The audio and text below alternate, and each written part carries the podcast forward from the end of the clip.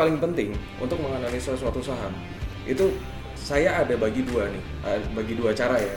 Ada top down, ada bottom. Oke, kalau top down analisis itu dari atas ke bawah. Jadi kayak kita lihat perekonomian secara global. Hmm, makronya ya. makronya dulu perekonomian global, terus perekonomian Indonesia, lalu baru dari perekonomian Indonesia ke industrinya. Hmm, Industri kan banyak nih. ya. Let's say kita ambil satu bank. Ya. Industri perbankan gimana sih? Kita harus analisa apa sih? Nah, dari perbankan kita udah dapet, oke misalnya perkembangan ke depan misalnya bagus nih. Oke. Baru kita pilih banknya. Selamat datang di podcast dari The Slice of Life X, podcast yang berbicara tentang kemajuan hidup di bidang finansial, investasi bisnis, dan strategi kehidupan bersama host Anda, Di Ferdinand.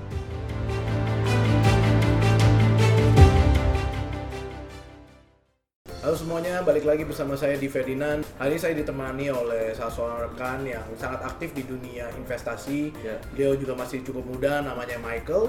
Uh, Mike, thank you untuk waktunya Sip. nih kita mau ngobrol-ngobrol tentang uh, berinvestasi ya. Oke. Dan pastinya Michael ini juga uh, dia merupakan salah satu co-trainer boleh dibilang Ya, di uh, under Rifan Kurniawan ya. Iya. Pak Rifan Kurniawan dan di Bursa Efek Indonesia. Nah, kita mau ngobrol banyak nih. Boleh, Eh, boleh. Apa sih kegiatan lo sebenarnya waktu di Bursa Efek tuh ngapain aja sih? Jadi eh, sebenarnya gini, kita tuh sama Pak Rifan lagi bikin eh, satu kayak program baru. Hmm. Memang biasanya kalau Pak Rifan sehari-hari itu dia ngajarin kayak eh, cara ber- eh, bermain saham atau cara berinvestasi saham, Iya. value investing Hmm. yang dibagi ke tiga kelas, ada beginner, ada intermediate, ada yang paling tingginya ultimate. Hmm. Nah, tapi itu kan cara ngajarnya kayak misalnya kan gimana caranya menghitung eh, value intrinsic, intrinsic value ini kalau value investing itu penting banget gitu. Oke. Intrinsic value dari suatu company. Berarti kalau kita ngomongin tentang saham ini bukan trading ya? Bukan, Uh, bukan. Berarti adalah value investing Ya, ya, value adalah investing. dengan caranya kalau boleh dibilang seperti Warren Buffett lah ya. Ya, Warren Oke, Buffett Warren way-nya Buffett. lah. Ya, Nah, itunya. Nah, ini jadi kalau paling penting di value investing itu kita melihat dari nilai intrinsik dari suatu perusahaan. Nilai intrinsik ya. Nilai intrinsik Itu kayak- artinya apa sih nilai intrinsik secara detail itu apa sih? sebenarnya kayak nilai yang sebenarnya. Jadi kan harga harga dari perusahaan itu kan dibagi dengan jumlah saham itu kan itu dapatnya market cap. Berarti kan? benar-benar keuangannya secara dalam ya. Yes, Bukan betul. cuman valuation doang ya. Ya, tapi valuation itu kan terbentuk karena dari Ada keuangan dari itu. keuangan itu bisa Ah. terjadi valuation yang lebih Yes, tinggi betul. potensinya Ah. ya. Oke. Jadi kita sebenarnya mencari kayak nilai yang sebenarnya dari perusahaan itu, market Hmm, cap-nya lah. market cap. Nah, gitu. Nah, singkat cerita, di program si Pak Rifan ini, saya membantu Pak Rifan Hmm. itu untuk eh, mengajar untuk lebih mengarah ke industri overview. Jadi paling penting untuk menganalisa suatu saham itu saya ada bagi dua nih, bagi dua cara ya. Ada top down, ada bottom. apa tuh Top down analisis dan bottom up analisis. Oke. Kalau top down analisis itu dari atas ke bawah. Jadi kayak kita lihat perekonomian secara global. Hmm, makronya ya. makronya dulu perekonomian global, terus perekonomian Indonesia, lalu baru dari perekonomian Indonesia ke industrinya. Hmm, Industri kan banyak nih. ya. Let's say kita ambil satu bank. Ya. Industri perbankan gimana sih? Kita harus analisa apa sih? Nah, dari perbankan kita udah dapet, oke misalnya perkembangan ke depan misalnya bagus nih. Oke. Baru kita pilih banknya. Oke, Banknya berarti setiap mana? industri itu berbeda karakteristiknya ya, dan, ha-ha. dan cara penilaiannya ada sendiri-sendiri ya. ha-ha. Dan bisa lebih detail dan berarti mengurangi resiko kekalahan, bukan kekalahan, mengurangi resiko dalam berinvestasi lah. Iya betul. Oke. Jadi kita bermain saham itu harus berpikir kayak kita tuh paham bisnisnya tuh apa. Hmm. Gak boleh kayak oke, yang penting gue cuan, yang penting gue bisa setahun bisa dapet 20%. Bukan tebak-tebakan ya, Nggak, bukan beli murah-murahan juga Nggak ya. boleh. Oke. Jadi ibaratnya kalau kita beli perusahaan itu, kita ibaratnya kayak kita bisnis juga sebenarnya. Hmm. Gitu. Kita paham bisnisnya dia tuh ngapain. sama kayak kita beli barang lah ya. Yes. Kayak kita beli barang kita yakin bahwa kualitas barangnya, tapi ini bukan kualitas barang tapi kualitas perusahaannya Kualitas perusahaannya. bisa memberikan kita aset balik ya berarti Yes. ya I- i- apa return yang baik lah Mm-mm. istilahnya gitu Betul. ya. Apalagi tuh faktor-faktor yang buat Nah. industri itu. Kalau per industri itu ini banyak banget. Hmm. Kalau perbankan pasti yang pernah dengar non performing loan. Non performing loan ya berarti NPL, apa ya. yang eh, kredit macet kita sebutnya kredit ya. macet. Ya. Nah, kalau bank yang kreditnya ma- eh, kredit macetnya banyak ya pasti kan nggak bagus dong. Iya. Berarti itu akan mengganggu likuiditas dari perbankan. Betul. Nah itu satu kalau untuk perbankan NPL. Hmm. Dan itu ada di laporan ada di keuangan? perbankan, ada ada. Di laporan keuangan Jadi ya. paling enak tuh sebenarnya ya kan orang gini ah enakan trading. Hmm. se- setiap hari gue dapat untung. Ya. Saya dulu juga sebelumnya trading. Oke. Sampai terakhir aku bilang capek. Capek ya. Capek, saya juga pernah capek. trading dan saya Oke. merasakan ya capek banget Karena sih. setiap hari kenapa? Deg-degan. Ya. Ketika udah masuk, isinya tuh tiap kali lihat chart doang. Jadi Hmm. chartnya kayak oke, ini bisa naik nggak ya, bisa turun nggak ya, gugup gugup jadinya gitu loh. Hmm. Nggak bisa lepas, nggak bisa tidur tenang gitu loh. Oke. Nah, tapi kalau kita investor, kita kerja tiga bulan sekali. Tiga bulan sekali ya. Iya. Kenapa tiga bulan sekali? Ini Laporan menarik. keuangan. Oh, keluar karena tiga bulan laporan sekali. keuangan dikeluarkan per quarter ya. per kuartal. per Yes. tiga bulan dan juga nanti ada laporan keuangan secara eh, berarti tiga quarter sebelumnya ya. Yes. Oke. Per tiga bulan. Jadi per tiga bulan kan laporan keuangan keluar kan. Hmm. Nah di situ kita baru sortir. Kita lihat, oke, misalkan eh, laporan keuangan ini bagus dan sebagainya. Nah kebetulan memang untuk pasti kan orang banyak nanya dong, perusahaan di Indonesia kan banyak nih. Hmm. Cara sortirnya gimana? Ya.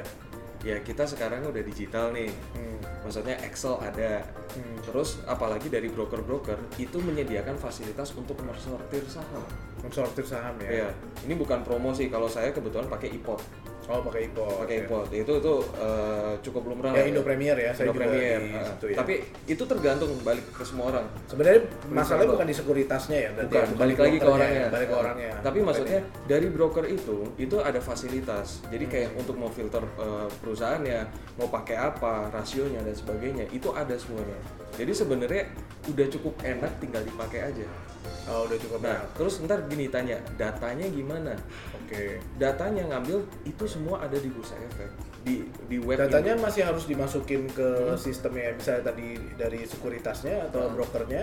Kalau dari brokernya itu- sediain. broker udah ada datanya. Udah ada. Tapi kan kadang-kadang misalnya gini, kalau saya dalam value investing, saya pasti akan membutuhkan beberapa rasio yang Hmm. dibutuhkan kan. Misalnya paling umum nih ya, mungkin kalau pernah dengar lo kayak Pak gimana sih cara memvaluasi saham gitu? Iya. Pasti yang pertama, oh lihat pairnya. Hmm. Pair itu price earning ratio. Profit and ratio. Terus yang kedua, lihat PBV-nya, Iya. price Price book value. value-nya, Nah, iya. Orang lihat, emang segampang itu ya Pak coba lihat.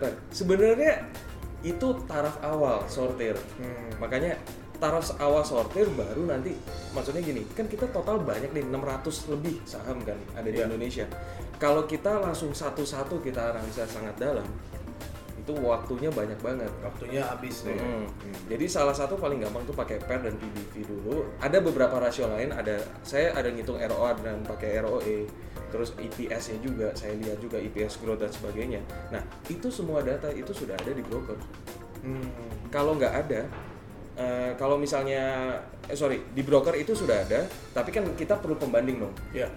Nah, misalkan eh, per dari per dari misalnya satu industri itu berapa?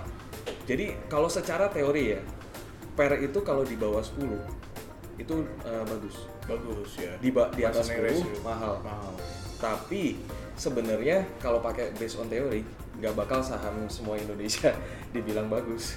Ya pastinya kan Nah, ada performa masing-masing jadi, di setiap industri yes. beda-beda ya. Makanya itu itu yang harus kita lihat gitu loh. Nah, salah satunya misalnya gini kayak bank DER. DER. Debt equity, ratio. ratio-nya. Itu untuk membandingkan tingkat uh, hutang dari suatu perusahaan. Hmm. Yang bagus pasti di bawah satu. Ya, Berarti kita ya maksudnya nggak terlalu banyak hutang. betul. Tapi apakah di bank bisa dipakai sistem DER? Karena banyak kan mereka ngasih uh, Mereka- loan ya. Karena sistem kasa, kasa itu uh, current account, saving account, dana Ya. murah. Dana murah dari per- uh, setiap uh, nasabah itu ditabung dan itu masuk dalam utang loh. Hmm. Nah itu kan kalau secara rasio nggak bakal ada yang masuk, bener gak? DER-nya udah pasti di atas satu semua. Ya. Tapi kita makanya harus paham makanya industrinya tuh seperti apa. Hmm. Nah makanya paling penting. Nah saya makanya di sini makanya ada program baru dengan Pak Rifan itu juga. Oke. Programnya itu untuk menjelaskan lebih kayak industri, eh, lebih mendalami tentang industri yang akan kita investasikan dan Oke. industri yang mungkin buat ke depannya yang bagus tuh seperti apa. Nah, Hmm. dari situ nanti kan kalau udah dijelasin kita udah paham industrinya seperti apa, baru ke bawah sahamnya. Berarti Kita- mengerti industri dahulu makronya, baru mengerti per uh, per perusahaannya ya, per Yes, TBK-nya ya. Oke. ibarat kita harus tahu dulu lah, paham semuanya kan. Hmm. kita belum tahu apa-apa langsung oke karena saham ini bagus aku akan invest tapi ternyata keadaan ekonomi lagi jelek mau saham sebagus apa pasti turun dong bener? Pasti ini.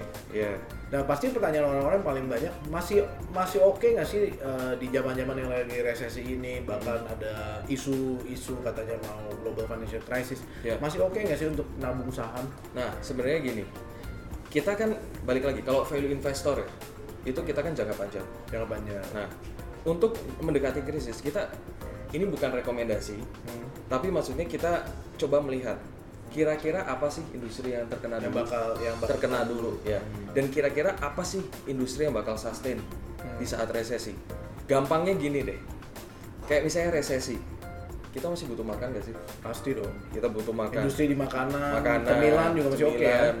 Sa- atau enggak ini deh sampo Shampoo, Shampoo. mandi dan lain-lain. mandi nah itu pasti barang-barang yang pasti akan dibutuhkan gitu loh walaupun mau krisis kayak apa apa dan sebagainya semua pasti akan butuh Hmm. nah mungkin ya akan berkurang oke kalau krisis akan mengefek semua ekonomi melambat semuanya pendapatan ngefek terus banyak PHK dan sebagainya Ya. berarti kan akan mempengaruhi dari segi pendapatan Ya. Iya kan nah, kalau udah mempengaruhi pendapatan berarti semua turun berarti secara nggak langsung daya beli masyarakat menurun juga Oke. Nah, itu berarti mungkin pertama otomotif masih kena dong. Otomotif. Nggak mungkin gue beli mobil orang market lagi turun semua gitu.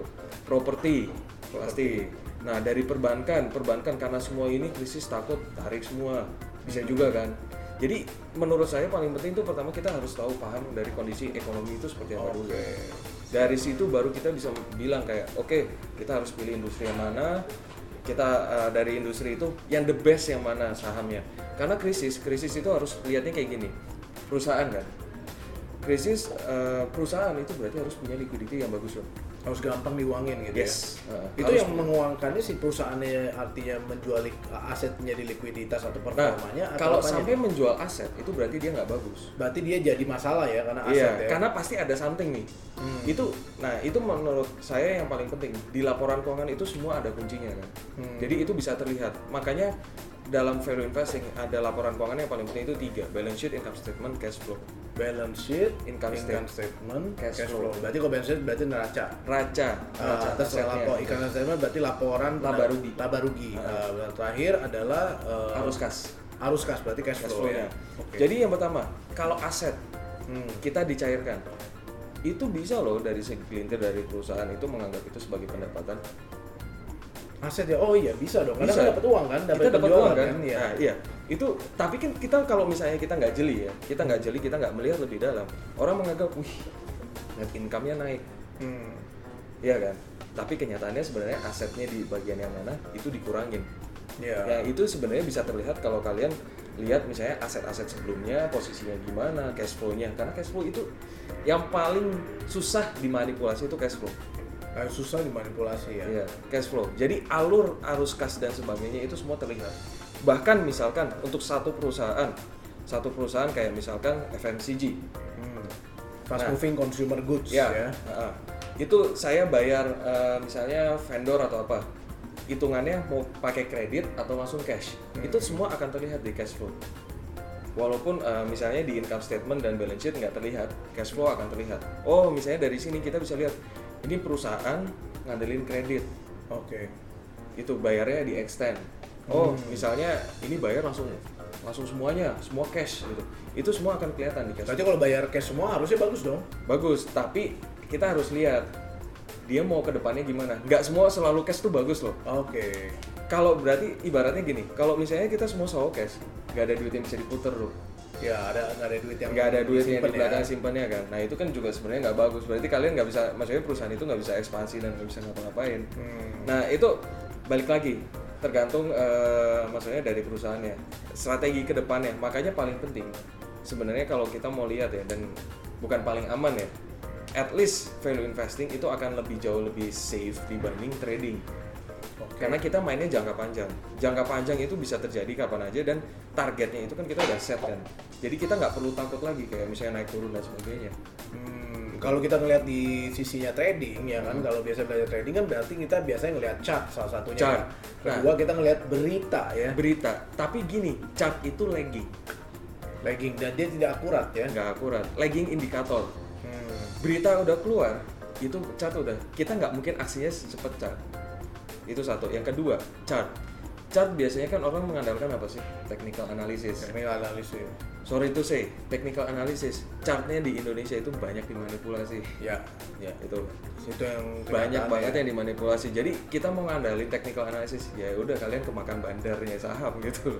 Nah ini pasti nih eh, teman-teman yang nonton ini kalau anda sebagai eh, live trader ya di saham tujuannya video ini bukan untuk membandingkan tapi untuk memberikan wawasan. Jadi Ya. saran saya adalah membuka pemikiran karena kan gini kita nggak semuanya harus di trading. Yap. Ya kan ada juga kayak Michael sibuk eh, mengurusi sebagai general manager di Tokoin ya. Ya. Dan pastinya kan butuh eh, metode investasi yang cukup nyaman dengan kesibukan kita dengan aktivitas Ya, kita ya. betul. Dan value investing merupakan Yes. salah satu metodenya ya. Ya, Jadi sebenarnya juga kita nggak bilang bahwa live trading juga juga jelek gitu ya, bukan bilangnya bahwa ya ini nggak works gitu. Ya. Works asal kamu memang serius. yes Ya semua yes. juga setuju. bukan bukan cuman value investing. Value investing kalau kamu nggak seriusin, kamu nggak ngikutin, nggak praktekin juga nggak bisa jadi hasil Betul. dan nggak sabar. Hmm, betul Ya. jadi balik lagi ke orangnya kebetulan kalau saya kan dari sebagai G- GM di Tokoin aja itu udah cukup sibuk gitu loh Hmm. Betul. kalau saya harus trading ya harus mantengin chart habis waktu Betul. nah bukan berarti trading nggak bisa trading bisa tapi ya kalau orangnya harus telaten ya harus ngeliatin harus pinter juga gitu loh Hmm. nah balik lagi kalau saya nggak punya waktu buat kayak gitu saya lebih pilih yang nyaman buat saya gitu loh kebetulan nyamannya value investing ya udah saya taruh aja yang penting kan invest gitu kan Nah, berarti bagusnya gini dong kalau kita boleh ngomong kalau saya melihat ini ini instrumen eh, investasi yang cocok untuk orang-orang yang memang sibuk berkarir Sibuk. atau memang sibuk berbisnis secara Yes. garis besar kan. Mm-mm. Nah, kalau begitu kita bisa ngobrol ya bahwa ternyata value investing bisa jadi jawaban karena kan dulu orang Yes. selalu mikir gini kalau mau masuk ke instrumen saham yang harus terjadi adalah saya harus main trading saham. Nah, Ya, itu konsep kan yang salah. Konsep yang sebenarnya Ya. salah. Kalau menurut saya kita mencari instrumen yang kita bisa tahan. Contoh Yes. masih ada kayak money market dan lain-lain ya Yes, yang kita yes. bisa tahan. Betul, betul. Tidak harus kita di situ nungguin karena nggak ada gunanya. Ya. Nah, value investing seperti itu juga. Jadi bayangin kayak Anda bercocok tanam. Ketika bercocok tanam kan kita nanam benih ya. Ya. Dan nunggu tumbuh. Nah, waktu nunggu tumbuh, masa kita liatin tanahnya Kita diemin doang ah, gitu. dia diemin doang dan lain-lain kan dan itu kan akan jadi buang waktu. Nah, Ya. justru di antara itu waktu-waktu itu kita isi dengan hal-hal yang berguna. Ya. Nambah pengetahuan di saham, cara berinvestasi, tiga bergaul dengan orang-orang Ya. lain yang memang di investasi atau keempat yang ngurusin karir atau bisnis. Yes. Ya kan? Betul. Setuju jadi, banget. Jadi, jadi menurut saya ini yang menarik dan kenapa saya panggil Mike juga karena menurut Ya. saya dengan kesibukan dia dan juga saya memilih sebagai value investor eh, kesibukan kita nggak mungkin kita main di daerah trading ya, Yes. yang live trading malah yang kita Ya. nunggu pasar open dan lain-lain. Nah kita mau masuk kemari karena kesibukan kita istilahnya saling ngisi lah. Saling isi. Iya, yes. gitu. Balik lagi kan kita nggak mungkin hidup itu cuma dari gaji ya. Betul. Kita harus investasi, gaji. Kita punya mungkin gaji. punya pendapatan bermacam-macam Iya, ya. iya. Itu juga. Itu kita makanya harus pikirkan dari segi active income dan passive income. Hmm. Nah, itu makanya menurut saya value investing itu bisa jadi passive income saya. Passive income Ya, ya. bahkan tabungan saya buat ke depannya pensiun dan sebagainya. Iya. Itu sangat memungkinkan. Kenapa? Di value investing, apabila kita sudah memilih satu perusahaan yang bagus gitu dan itu jadi kayak value eh, value stock lah istilahnya. Hmm. Itu bisa kasih income ke saya dalam eh, dalam apa? Dalam dividen. Oke, itu menarik. Nanti kita bicara Nah. lebih lanjut di episode berikutnya tentang Iya. dividen karena ini akan akan jadi bahasan menarik. Yes. Perusahaan seperti apa sih yang ngasih dividen? Ada nggak sih di Betul. Indonesia dan Hmm. lain-lain? Betul. Karena Warren Buffett pun kita tahu dia akhirnya dapat dari dividen banyak. Dapatnya ya? dari dividen, Iya, dia bukan bukan, dari- dari, capital gain dan sebagainya Betul. gitu. Oke. Ya, eh.